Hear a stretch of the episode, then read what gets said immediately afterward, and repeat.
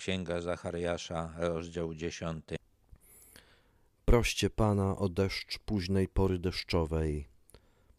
Pan stwarza chmury burzowe i zsyła deszcz. On daje ludziom chleb, zieleń na polu. Lecz terafy mówią słowa mylne, a wróżbici mają kłamliwe widzenia. Sny, które tłumaczą, są złudne, puste ich słowa pociechy. Dlatego ludzie włóczą się jak trzoda, błąkają się, gdyż nie mają pasterza. Zależymy od prawdziwego Boga we wszystkim. Zachariasz jako przykład podał późny deszcz, ten od którego w największym stopniu zależały plony. To od Boga zależy, czy będziemy mieli co jeść, czy nie. Terafy to posążki bożków, które wykorzystywano do wróżenia. Zachariasz zestawił bardzo łatwe do sprawdzenia działanie Boga, jakim jest deszcz i plon, z przepowiadaniem przyszłości w oparciu o moc bożków wymyślonych, które już nie jest tak łatwe do sprawdzenia i przedstawia ostateczny rezultat polegania na bożkach. Ludzie, którzy położyli w nich ufność, nie wiedzą, co robić. Przeciwko pasterzom zwraca się mój gniew. Kozły ukaże, gdyż Pan zastępów ujmie się za swoją trzodą, za domem Judy i uczyni z nich wspaniałego rumaka bojowego.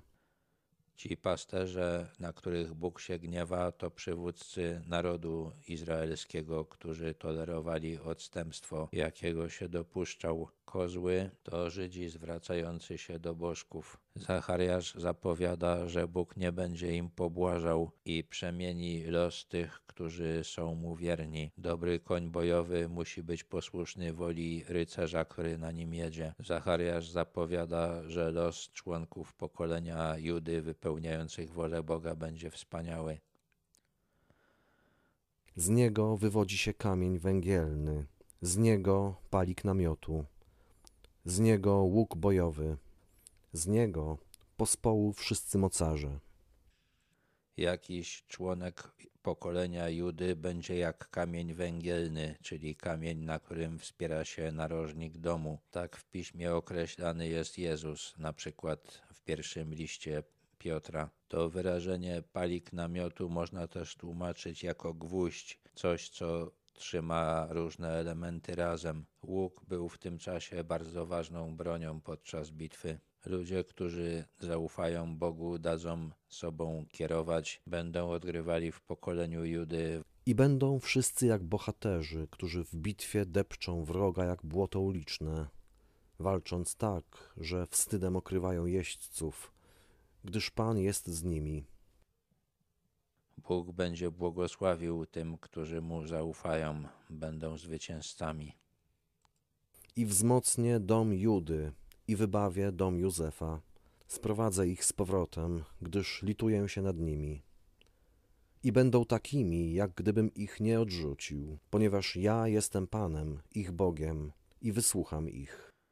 Kiedy pisano te słowa, tylko niewielka część Żydów powróciła z wygnania. Byli to potomkowie Żydów mieszkających w królestwie Judy, ale Bóg zapowiedział, że powrócą wszyscy i nie tylko z królestwa Judy, lecz także z królestwa Izraela, bo potomkowie Józefa żyli w Izraelu. Będzie tak, jakby Bóg swojego narodu nie odrzucił, czyli powrócą do tego stanu, w jakim byli zanim nastąpiły wysiedlenia. To się jeszcze nie stało, to dopiero wypełni się w przyszłości. Efraim stanie się podobny do bohatera, a ich serce radować się będzie jakby od wina. Ich synowie zobaczą to i będą się radować. Ich serce będzie się weselić w Panu. Efraim to inne określenie Izraela. Potomkowie Żydów z Izraela też powrócą do swojej ziemi, też będą odważni i będą radować się wspólnotą z Bogiem. Zaświstam na nich i zgromadzę ich, gdyż ich odkupię i będą tak liczni jak niegdyś. Chociaż ich rozproszyłem pośród ludów, jednak będą pamiętali o mnie w dalekich krajach, odchowają swoje dzieci i wrócą. Żydzi mieszkali razem w ziemi obiecanej, aby łatwiej im było pamiętać o Bogu, który ich do tej ziemi wprowadził, ale odeszli od Niego. Bóg zapowiedział jednak, że na wygnaniu będą o Nim jakoś pamiętać i gdy kiedyś usłyszą Jego wezwanie, aby powrócić, posłuchają. Sprowadzę ich z powrotem z ziemi egipskiej i zgromadzę ich z Asyrii. Sprowadzę ich do ziemi Gilead i do Libanu, lecz nie starczy dla nich miejsca.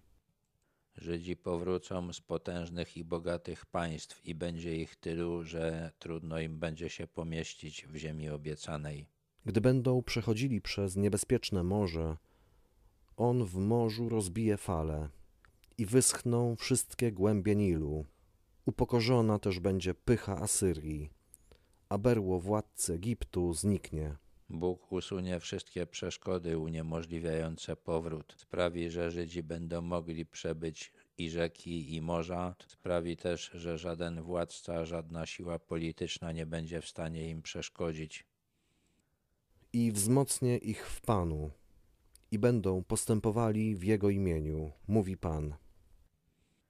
Ci Żydzi będą wierzyli w swojego Boga, będą na nim się opierali i on sprawi, że staną się mocni. Bóg zapowiada, że sprawi, iż będą mocni w Bogu. Jest to tak sformułowane, jakby Bóg był więcej niż jedną osobą.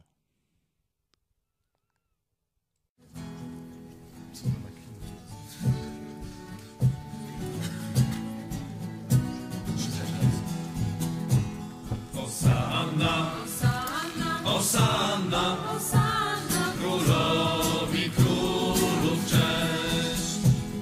Osanna, Osanna, królowi